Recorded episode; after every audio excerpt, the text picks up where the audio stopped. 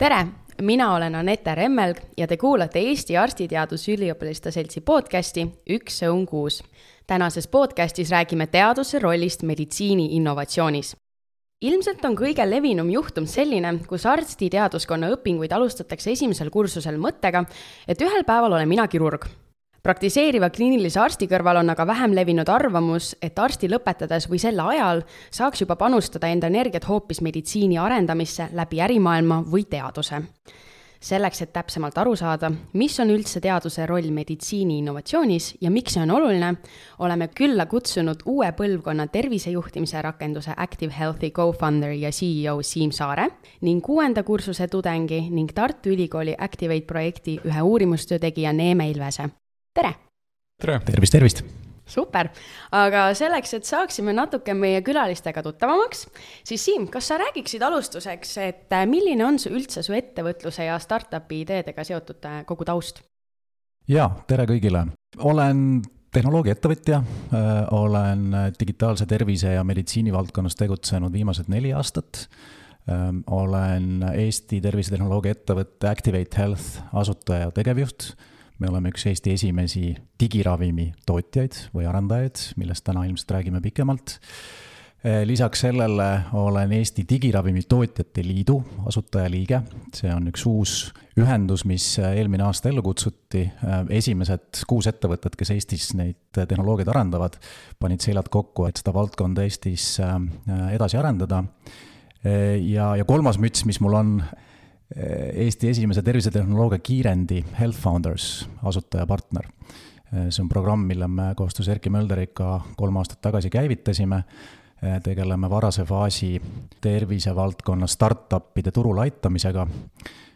ja tänaseks oleme jõudnud juba neljanda lennuni ja, ja väga edukas programm, mis on tegelikult kasvanud Eesti piiridest juba väljapoole, nii et, et meile kandideeritakse üle, üle kogu maailma mm. -hmm, väga põnev, mul hakkas kohe kõrva sihuke sõna nagu digiravim, aga enne kui me selle juurde lähme, siis laseme ikka teisel inimesel ka ennast tutvustada, et Neeme, kus sul, kuidas sa üldse sattusid sinna lahedasse Activate Tartu Ülikooli projekti? eks äh, ma pidin ikkagi arstiteadust äh, õppima, nagu sissejuhatuses mainiti, et ega mul ka ei olnud sihukest selget sihti, et kohe nüüd teadlaseks, vaid ikka, et noh, äkki kirurg, teisel kursusel käisin, vaatasin ortopeedilisi lõikusi siis noh, vaatasin äkki sisemeditsiinist midagi huvitab, aga siis hakkaski niisugune ennetuse valdkond nagu huvituma, et, et kes sellega üldse tegeleb, et justkui öeldakse, et perearstid, perearstid ju vaktsineerivad, aga siis pusisin pigem nagu omasoodu, kuni siis viiendal kursusel on äh, õppeaine tervishoiukorraldus. Ja siis seal jäin rääkima Mikk Jürissoniga kes on siis niisugune vastutav õppejõud ning ta ütles, et kirjuta mulle kiri, et mis su nagu mõtted on ja siis vaatame edasi. sellele kirjale siis äh, vastas äh, David Ilman, kes siis tegeleb rahvatervisega, on nii-öelda Inglismaal õppinud ja igal pool mujal, ja siis äh, jäime rääkima nendel teemadel, kuni ta siis eelmine aasta suvel ütles, et kuule, et on üks projekt, et sa oled siin niisugune natuke teadushimuline, et äkki tahaksid oma oskusi arendada. et meil on sihuke, selline metaanalüüs plaanis koos siis Activate Healthiga.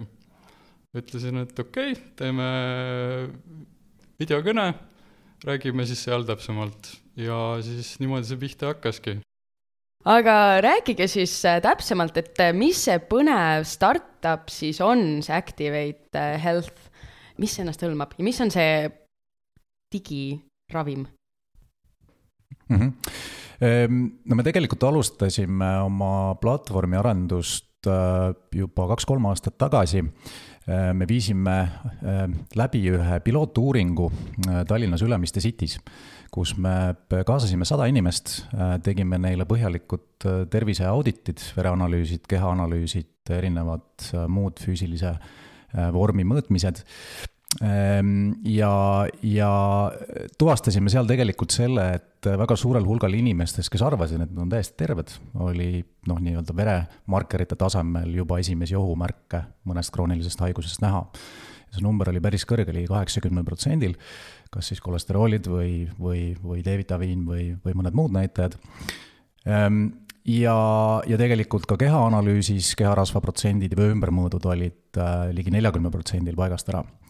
ja selle tulemusena me, me otsustasime, et, et tegelikult selleks, et meie elustiilist tulenevaid selliseid terviseriske maandada, noh, me teame, et Ehm, eh, eestlaste tervena elatud aastate arv on Euroopa Liidus eelviimasel kohal, mis on väga kurb näitaja. Eh, meie inimesed elavad eh, kuskil kümme kuni viisteist aastat vähem ilma ühegi kroonilise haiguseta kui, kui Euroopa Liidu keskmine. ja, ja üks peamisi põhjuseid tegelikult on just nagu kardiovaskulaarhaigused, mis, mis seda numbrit mõjutavad. ja need on kõik niinimetatud elustiili haigused, mis saavad alguse vähesest liikumisest, halvast toitumisest, pidevast stressiseisundist, ebakorrapärasest unest ja ja, ja muudest faktoritest, mida me tegelikult saame ise väga hästi mõjutada. et maailmas on tehtud uuringuid, äh, mille järgi noh, äh, kuskil kümme protsenti meie nii-öelda tervisest on mõjutatud tervishoiusüsteemi poolt äh, kolmkümmend protsenti sellest keskkonnast ja, ja meie geenidest ja tegelikult pool meie tervisest on seotud meie igapäevase käitumisega, ehk et nendest otsustest, mis me igapäevaselt teeme. Ja paratamatult see tänapäevane elustiil ähm, paneb meid üha rohkem tegema otsuseid, mis ei ole pikas perspektiivis meile tegelikult kasulikud ähm,. ja, ja kogu selle taustal ja selle esimese nii-öelda pilootuuringu tulemusena äh, me otsustasime, et tegelikult mida vaja on, on paremad tööriistad inimestele endale oma tervise aktiivsemaks juhtimiseks.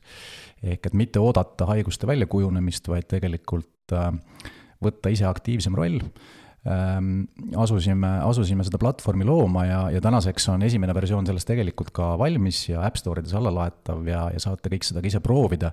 Äh, meil on, meil on tegelikult täna isegi käimas selline nii-öelda lansseerimiskampaania, kus kõik uued kasutajad saavad kolmkümmend päeva tasuta seda uut äppi proovida activate.ee koduleheküljelt saate, saate seda vaadata. nüüd sealt edasi minnes, eelmisel aastal me saime EAS-i rakendusuuringute programmist ähm, miljoni eurise teadus-arendusrahastuse. selleks, et arendada oma platvormi edasi kliinilises suunas. ja me panime kokku konsortsiumi, kus äh, on Tartu Ülikooli Peremeditsiini Instituut, Psühholoogia Instituut, äh, geenivaramu ja Synlab. ehk et väga tugev äh, teaduspartneritest koosnev konsortsium.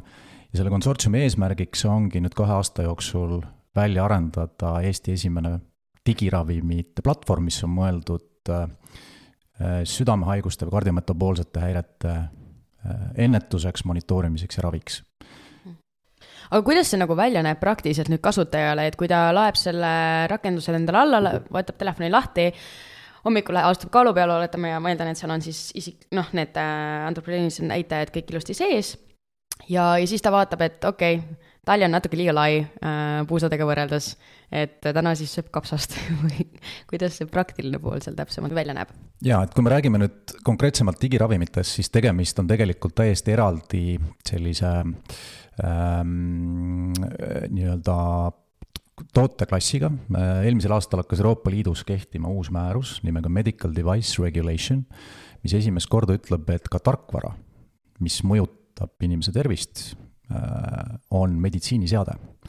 nagu röntgeniaparaat või, või, või, või mõni muu, eks ju. ja see tähendab seda, et äh, need tarkvarad, mis on siis mõeldud äh, mõne konkreetse haiguse monitoorimiseks või isegi raviks Äh, peavad läbima kliinilised uuringud, peavad läbima väga põhjaliku regulatiivse äh, sertifitseerimise, saama äh, Terviseameti loa, CE-märgise ja, ja alles siis on võimalik neid patsientideni viina, viia. ehk et tegelikult on tekkimas üle maailma, mitte ainult Eestis, täiesti uus klass nii-öelda ravimeid, ehk et tarkvarapõhised meditsiiniseadmed või digiravimid, nagu meie neid nimetame Äh, mis on siis nii-öelda retseptina välja kirjutatavad äpid, äh, mida näiteks perearst tulevikus siis patsiendile esimesena soovitab, enne võib-olla tavaravimit.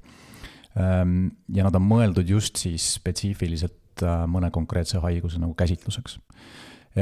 ja, ja mida tavaliselt digiravim hõlmab, ühelt poolt siis selline nii-öelda patsiendi kaugmonitooring, seal on erinevaid tehnoloogilisi lahendusi, alates erinevate seadmete liidestamisest, ähm, meie rakenduses on täiesti unikaalne tehnoloogia, mida nimetatakse biomeetriliseks äh, tervisekontrolliks, ehk et mobiiltelefoni kaamera abil on võimalik tuvastada äh, puhkepulssi, hinnangulist vererõhku, vöö ümbermõõtu ähm, ja isegi arvutada keharasva protsenti.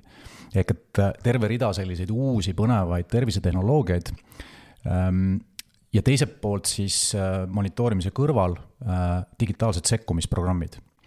ehk et konkreetse haiguse guideline idel põhinevad siis sellised nagu nii-öelda elustiili sekkumisprogrammid, mis aitavad patsiendil äh, teha õigeid valikuid. Äh, digiravim tegelikult ei ole lihtsalt rakendus või äpp, vaid tegelikult ta digitaliseerib tervikuna ühte patsiendi teekonda. Ja, ja reeglina maailmas kasutatakse neid just krooniliste haiguste käsitlusel, kus on äh, kus on noh, inimese enda roll äh, hästi suur. Ähm, me teame, et noh, näiteks südamehaiguste puhul äh, põhiline probleem noh, nii esmasel kui teisesel ennetusel on tegelikult ravi soostumuseks, mis on, mis on hästi madal. Äh, me näeme, et selliste digitaalsete lahenduste abil on võimalik seda ravisoostumust tegelikult tõsta. ja ma arvan, et see ongi üks digiravimite selline suur ootus ja lootus, et äh, läbi sellise igapäevase käitumise mõjutamise on võimalik siis äh, nii noh, nii-öelda tulemusi parandada ja, ja, ja, ja tegelikult ka arsti tööd äh, lihtsamaks või, või lihtsamaks muuta ja aega kokku hoida no väga põnev igatahes, aga mul kohe tekkis küsimus, et kui me räägime nagu kaamerast, eks, mis äh, skännib nii-öelda inimese sisse, et esimesena mulle hüppas pähe see uhke masin, mis on näiteks Spordimeditsiini Instituudis. Neil on selline ultraheli äh, siis kogu keha koostise määramine, et ma eeldan, et nüüd see vist läheb natuke sinna teadustöö kapsaaeda. mida te seal täpsemalt teete, et kas te vaatate ka, et uurite, et kui täpsed need erinevad niisugused mõõtmisviisid siis on, jah, või millega sa üldse tegeled seal teadustöös? Et see teadustöö oli siis niisugune koostööprojekt ja see algas ikkagi sellega, et oli vaja üles leida, et mis on see küsimus, mis on see põhiprobleem, mis vajaks nagu abi teadlaste poolt. ja üritati erinevaid viise, et siis mind veel ei olnud kaasatud, et siis ei olnud isegi veel David Ilman otseselt kaasatud ja siis, kui ta tuli, siis hakkas see vist natuke rohkem käima ning alguses mõeldi ka, et et äh, äkki on äh, vöö ümbermõõt või midagi sellist nagu parem, kuid otsustati, et siis kaalulangus võiks olla see äh, uurimusküsimus. ja veel täpsemalt, et mis võiks siis nende äppide tulemus kuue kuu pärast olla, kui nad siis üritavad erineval moel kaalu langetada. et kas neil on siis niisugune mingi sotsiaalne komponent, et kõik äpi kasutajad saavad jagada pilte oma toidust või on seal sellised meeldetuletused või küsitakse, et kas on mingi probleeme sekkumisega. et siis otsustati seda küsimust siis uurida, mis siis juhtub nende inimestega, kui nad on äh, kuus kuud siis seda äppi kasutanud. ja siis käivituski selline metaanalüüsi protsess, mille siis esimene samm on äh, üles leida siis erinevaid teadustöid, siis igas nendes andmebaasides, et PubMed näiteks, ja kokku siis tuli kuskil kuussada teadustööd, et noh, paras hunnik, et ja sa hakkasid neid siis üksinda läbi vaatama või? No õnneks oli mul teisi abilisi ka. et noh, pigem olin mina ka nendest ühtedest abilistest ja oligi, et lugesime, vaatasime abstrakte ja siis hindasime, et kas need on üldse kuidagi seotud, et kas see otsingumootor on oma tööd teinud või räägib see hoopis mingi silmahaigustest või äh, metalli tugevusest mingil kindlal äh, kaalukaotusel. et hästi niisuguseid suvalisi teadustöid ilmus ka läbi sõela. ja kui me olime selle suutnud ära teha, siis jäi kuskil alla saja veel sõelale. ehk siis pidime veel põhjalikumalt lugema, mis seal siis sees on ja metaanalüüsi idee on ikkagi leida kõige, kõige õigem siis tulemus, et mis võiks see tõde olla.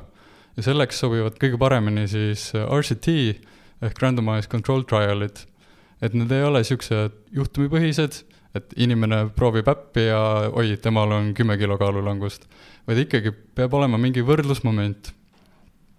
ja siis, et iga suvaline RCT ei sobi ka siis sinna uuringusse, vaid on vaja jaotada ka need nii-öelda sekkumispõhiseks, et kas need patsiendid on ikkagi kaasatud sellise põhimõttega, et nad ei ole järsku läinud teise nii-öelda teadustöörühma.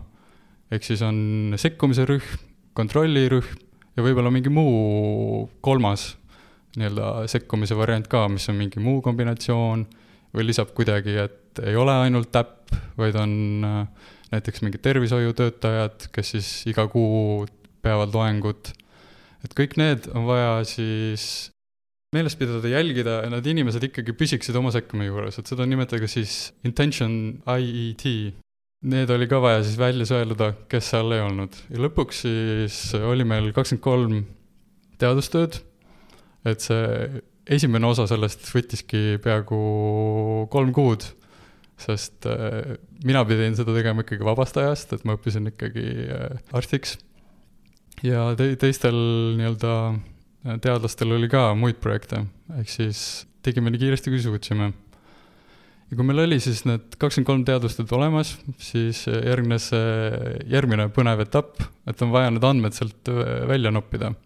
ehk siis, mis on üldse kaasatud inimeste arv, palju on neid sekkumises, palju on naisi, kogu teadustöös, mis on nende vanus, mis on vanuse standardhälved, kõik, kõik, kõik need teadmised, mis on siis sinna teadustöödesse kirja pandud, et see oli siis vaja suurde Exceli tabelisse panna.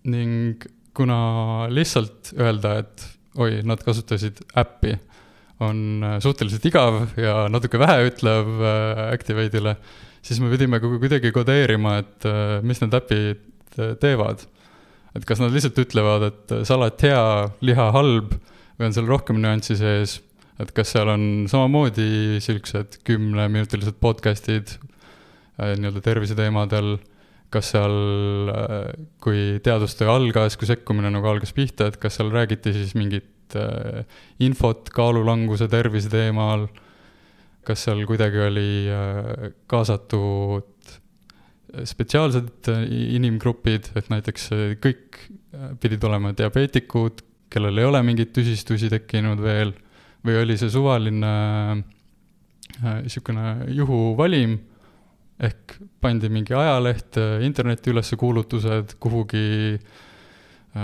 käidavasse kohta, no mitte noorsoo, vaid siis äh, tööandja juurde kuhugi siis kuulutused et, et see kõik oli vaja kodeerida, et siis oleks nagu selgem pilt, et äkki on seal mingi kindel asi, mis nagu põhjustab enamus kaalulangusest või on, põhjustab kaks korda suuremat kaalulangust. et see kõik oli vaja välja kodeerida ning siis teha siis see metaanalüüs ka ära. et see kõik äh, põhimõtteliselt lõppes märtsikuus ja algas septembris.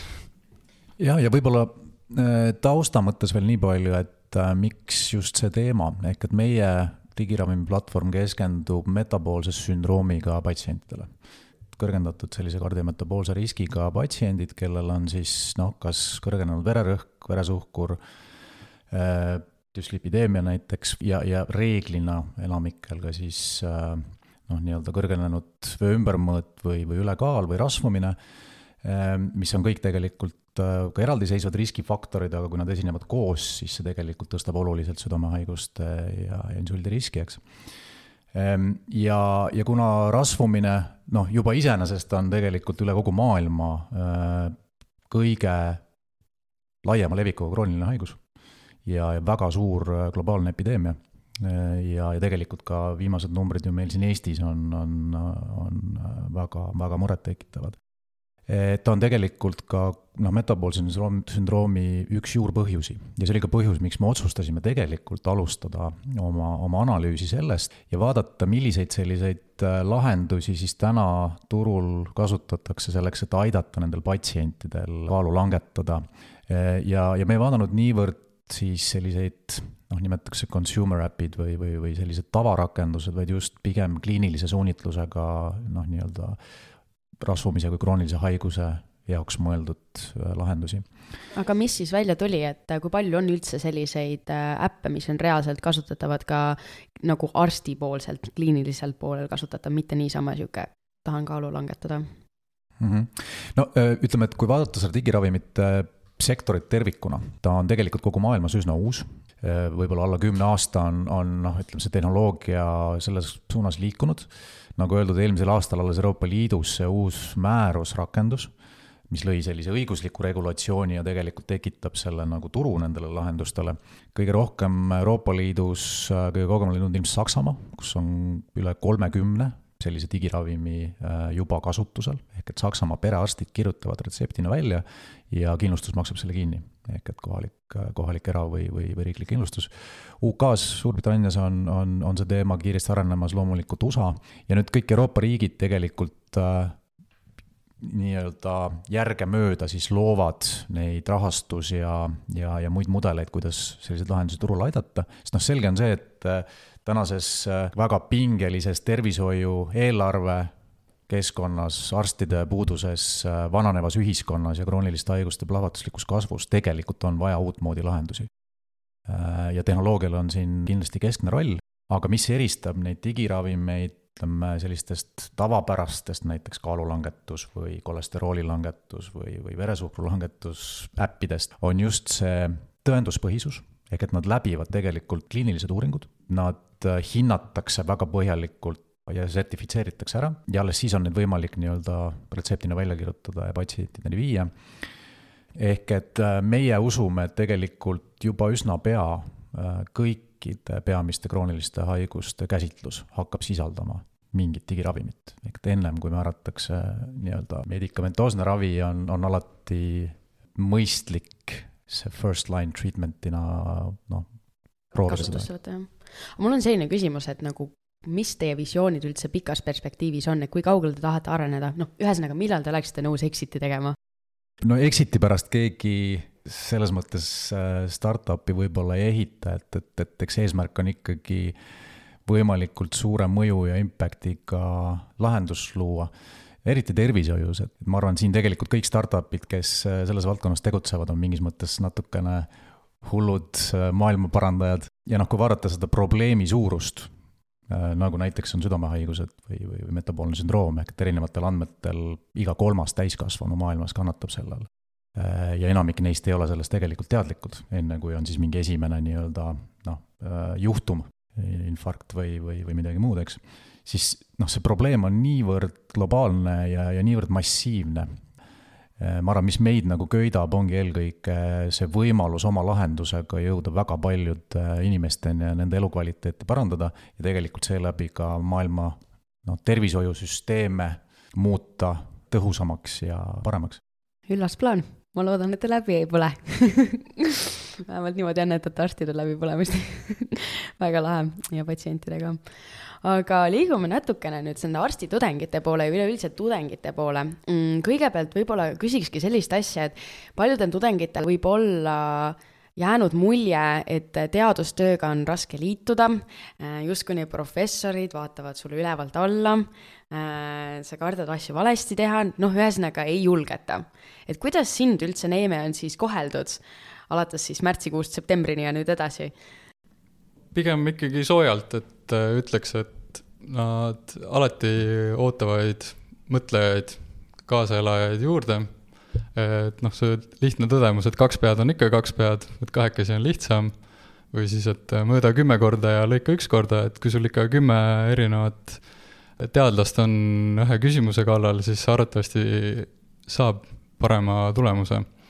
et mis iganes parameetri järgi nad seda hindavad ma olen alati lähtunud sellest, et ma arstiteaduses õpin teadmisi, mille boonus on see, et ma saan arstina töötada, aga sellest lähtuvalt siis ikkagi peamiselt teadmisi, et nii nagu ülikoolis kombeks on.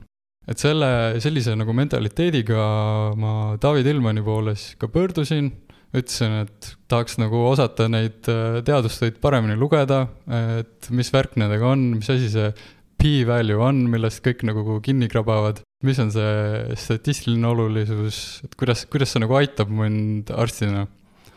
ja siis äh, selle, selle innustuse ta nagu tabas ära, vestlesime mitmetel kordadel, küsis, et kas mul endal on mingeid siukseid huvisi ja siis ta nagu pakkuski välja, et ma tean, Neeme, et sul on nagu tihe graafik, et arstiks õppida ei ole lihtne.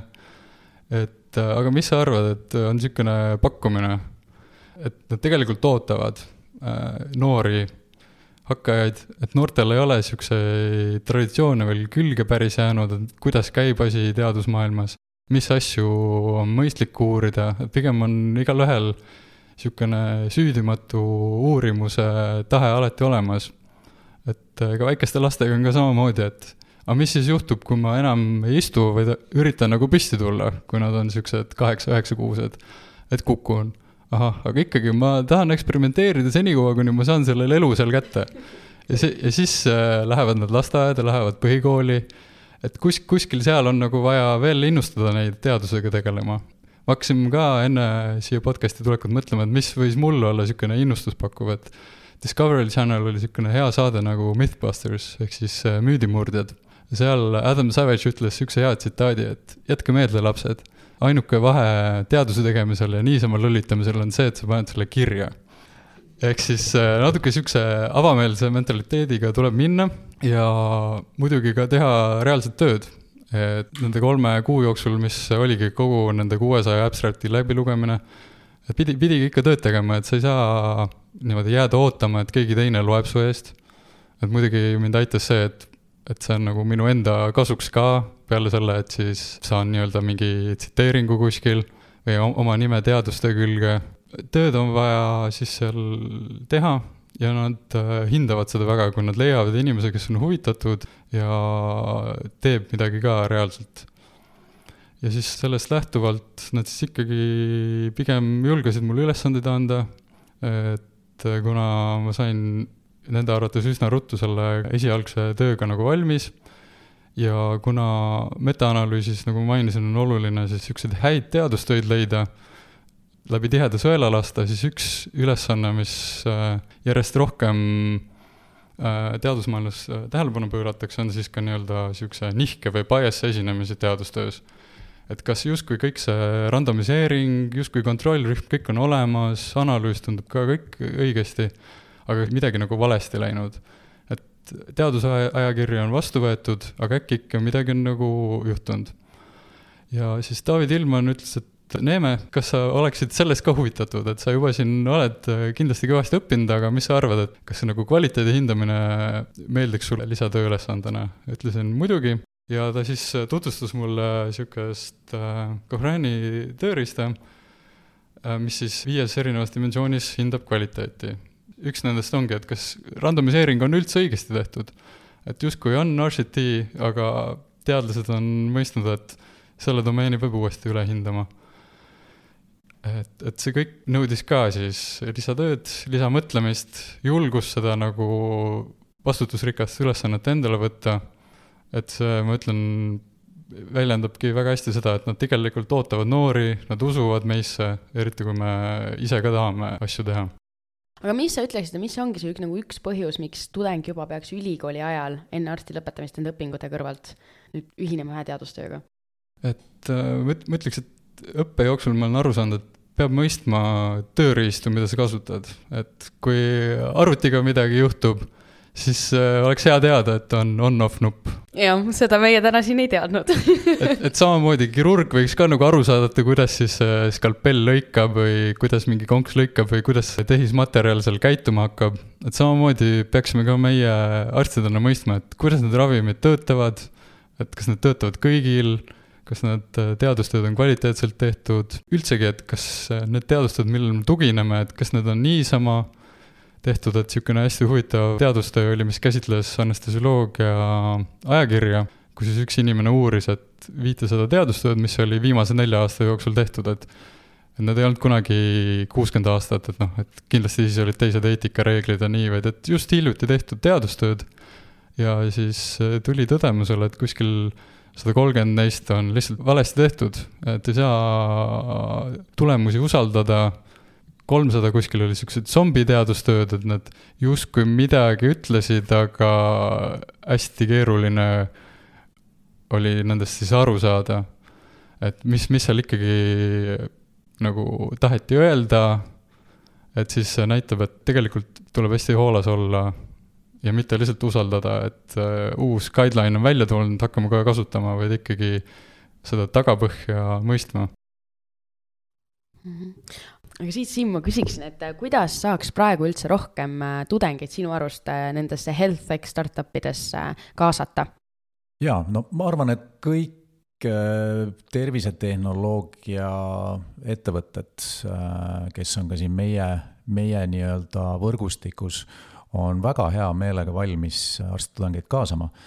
noh, ettevõtjad eriti tehnoloogiaettevõtjad tegutsevad sellises noh, uute lahenduste, uute tehnoloogiate loomises, aga meie kõigi jaoks on ülioluline teha seda koostöös arstkonnaga, arstitudengitega tervishoiuteenuse pakkujatega, ehk et me, me saame väga hästi aru, et ainult tehnoloogia seda probleemi ei lahenda, me oleme väga head tehnoloogia arendamises, aga, aga tegelikult see tuleb panna õigesse konteksti.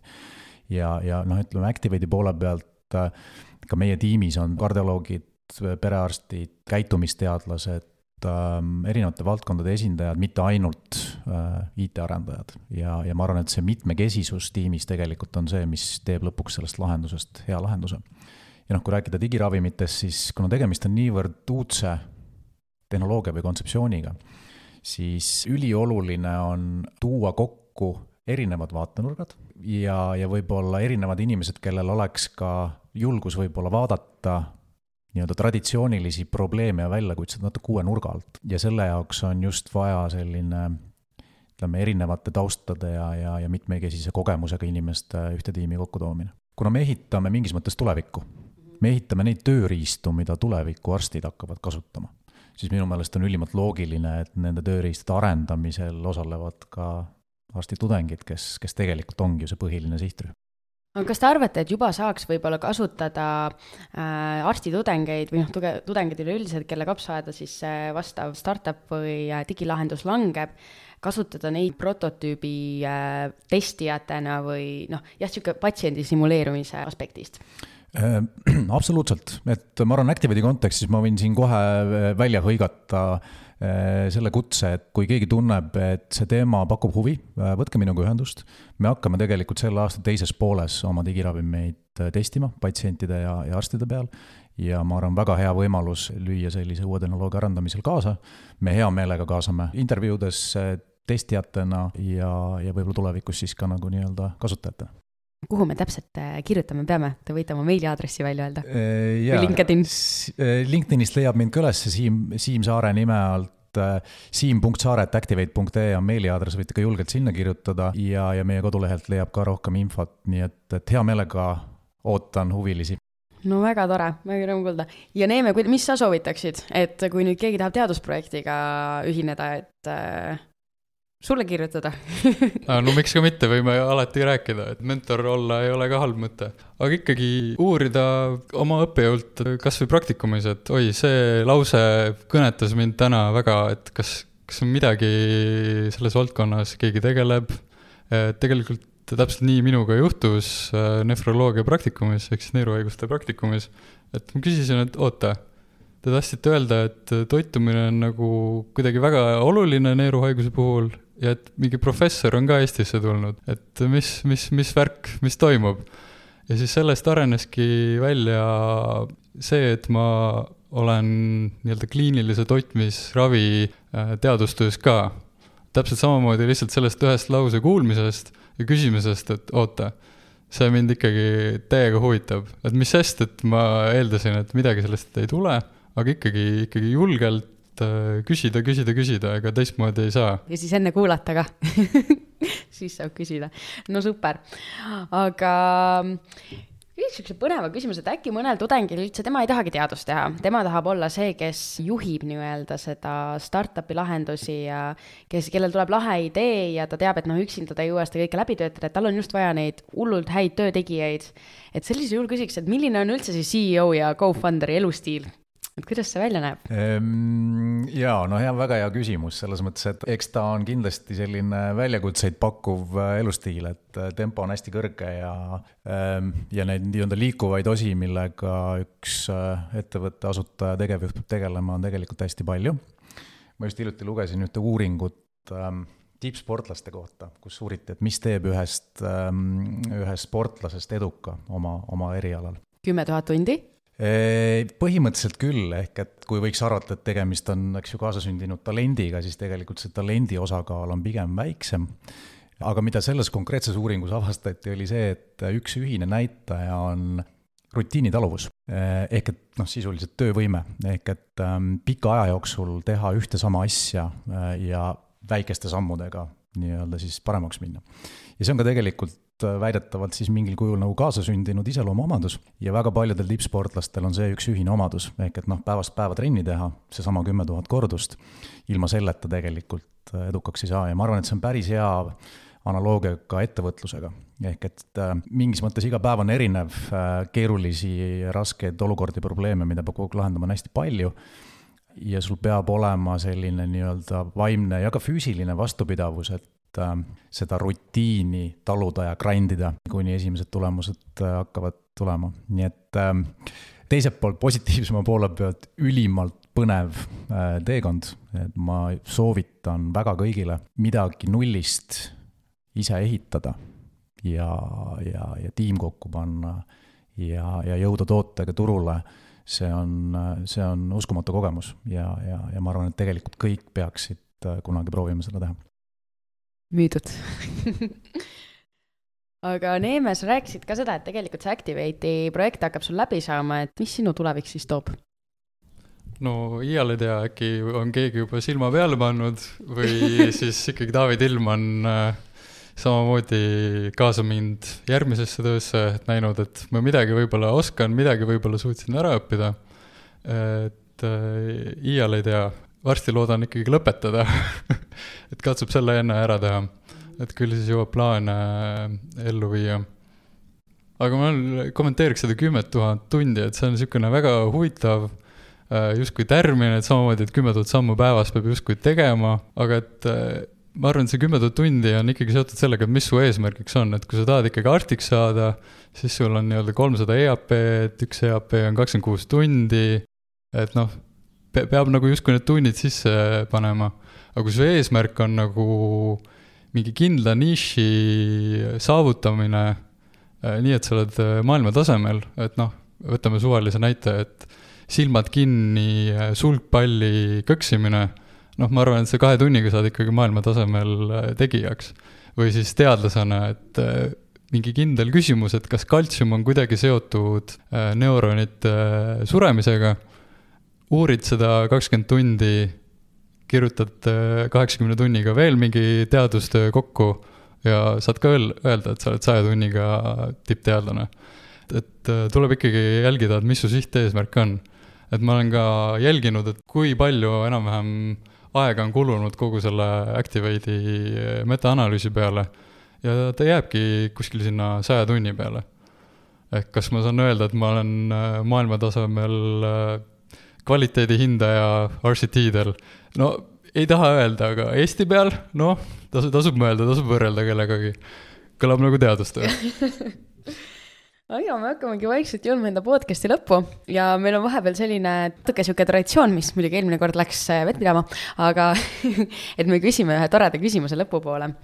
et äh, kõigepealt Siim, et mis on olnud see kõige piinlikum asi, mida sa ühe pitch'i ajal oled valesti öelnud? ohohoo, hea küsimus ma arvan, et pitch'i harjutades on, on igasuguseid asju nihu läinud laivis pitch'i ajal isegi ühte konkreetselt meelde ei tule, sest et äh, selleks, et teha head pitch'i, sinna läheb väga palju eeltööd. et äh, sinna reeglina ei minda kunagi käed taskus, ähm, vaid äh, see on väga-väga läbi harjutatud ja mida rohkem seda teha, seda, seda sujuvamaks see kipub minema nii et ei oska isegi ühtegi niisugust suurt prohmakat praegu välja tuua mm. -hmm. meil on mees siin ikkagist sada või kümme tuhat siis tundi harjutanud juba. teel sinna, jah. teel sinna, no super aga Neeme äh,, kelleks sa väiksena tahtsid saada ja kui erinev on see sellest, kelleks sa praegu tulevikus tahad saada? vot see on äh, hea küsimus, kahjuks on mul see autobiograafiline mälu üsna kehv, et äh, võib-olla tahtsingi nagu mõelda, et miks nii on asjad, et äh, miks ma ei või miks ma ei saa, et natuke niisugune väikse lapse jonnakus, aga teiselt poolt ma nagu huvitusin ka asjadest. et äh, õnneks oli mul kaks vanemat venda ka, kes olid natuke rohkem seda füüsikat ja keemiat õppinud, et sain nagu neid tüütada. aga see praegune nii-öelda teadlas äh, või noorteadlase töö on, ütleks, kuidagi rahuldab küll seda visiooni endast kui mõtlejast. väga tore, aga suur aitäh teile, kallid külalised ja ma loodan, et äh, kõik õnnestub ja siis niipea exit'it ei tule, ehk ühesõnaga mõttetööd ja nagu ruumi, kuhu laieneda jagub ja jagub ja maailm saab parandatud. jaa, absoluutselt, et me oleme alles oma teekonna alguses, nii et äh, kõik, kes äh, tunnevad teema vastu huvi ja tahavad Activate'i tegemises kaasa lüüa, võtke julgelt minuga ühendust. suur tänu kutsumast